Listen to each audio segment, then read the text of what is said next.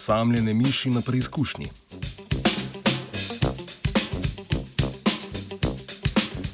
Miši so, tako kot ljudje, zelo družabna bitja. Večina gledalcev celo življenje preživi v večjih ali manjših skupinah. Dolgotrajna osamljenost je zato za odraščajoče miši zelo stresna in lahko vpliva na obnašanje in razvoj možganov. Pretekle raziskave so pokazale, da so miši, vzgojene v osami, bolj nagnjene k agresiji, anksioznosti in kognitivnim motnjam. Vendar morda ni vse za gledalske samotarje slabo. Kitajska raziskovalna ekipa je pokazala, da se miši, vzrejene v osami, bolje znajdejo pri nekaterih kognitivnih testih.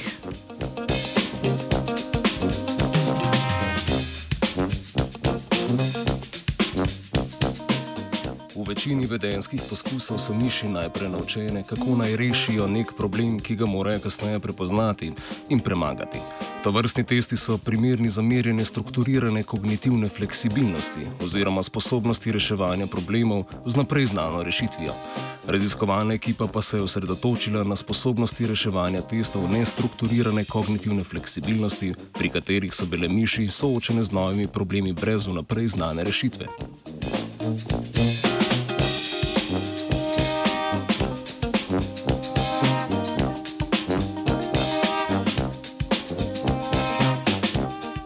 Raziskovalci in raziskovalke so pripravili miši poligon z mikavno nagrado na cilju in van postavili dve skupini miši.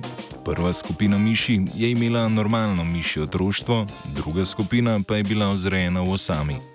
Miši so prva dva dneva spoznavale in trenirale v testnem prostoru, tretji dan pa jih je pričakalo presenečenje. Poligon je bil pokrit z debelo plastjo žagovine. Miši so do nagrade prišle le, če so se do nje prekopale. Miši,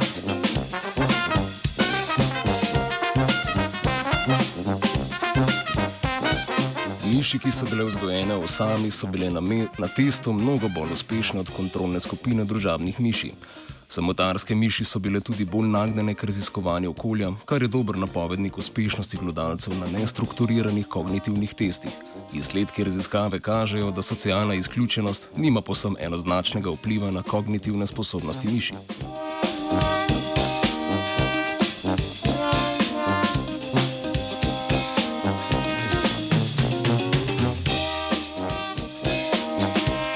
Mišim je družbo delala Bronja.